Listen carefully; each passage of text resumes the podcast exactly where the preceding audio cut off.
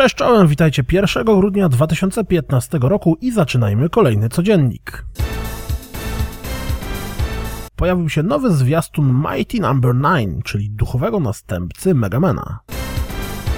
Jako że dziś premiera, pojawił się również wybuchowy, rapujący zwiastun Just Cause 3.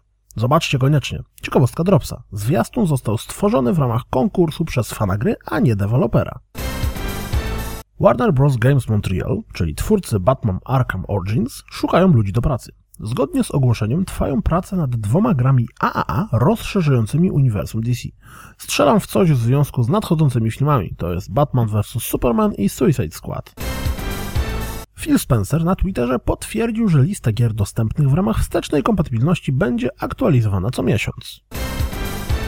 Wszyscy fani Soulsów powinni zainteresować się wywiadem z Atsuo Yoshimurą, publishing producerem Dark Souls 3. Warto zobaczyć film, który powstał w ramach akcji promocyjnej Allegro. Smok w reżyserii Tomasza Bagińskiego jest fajnym podejściem do historii o smoku wawelskim. Did You Know Gaming w ramach swojej serii Unseen 64 zajęło się nigdy niewydaną grą od The Avengers. Warto obejrzeć ich materiał. To wszystko na dziś, jak zawsze. Zapraszam na stronę www.rozgrywkapodcast.pl do komentowania i mam nadzieję słyszymy się jutro.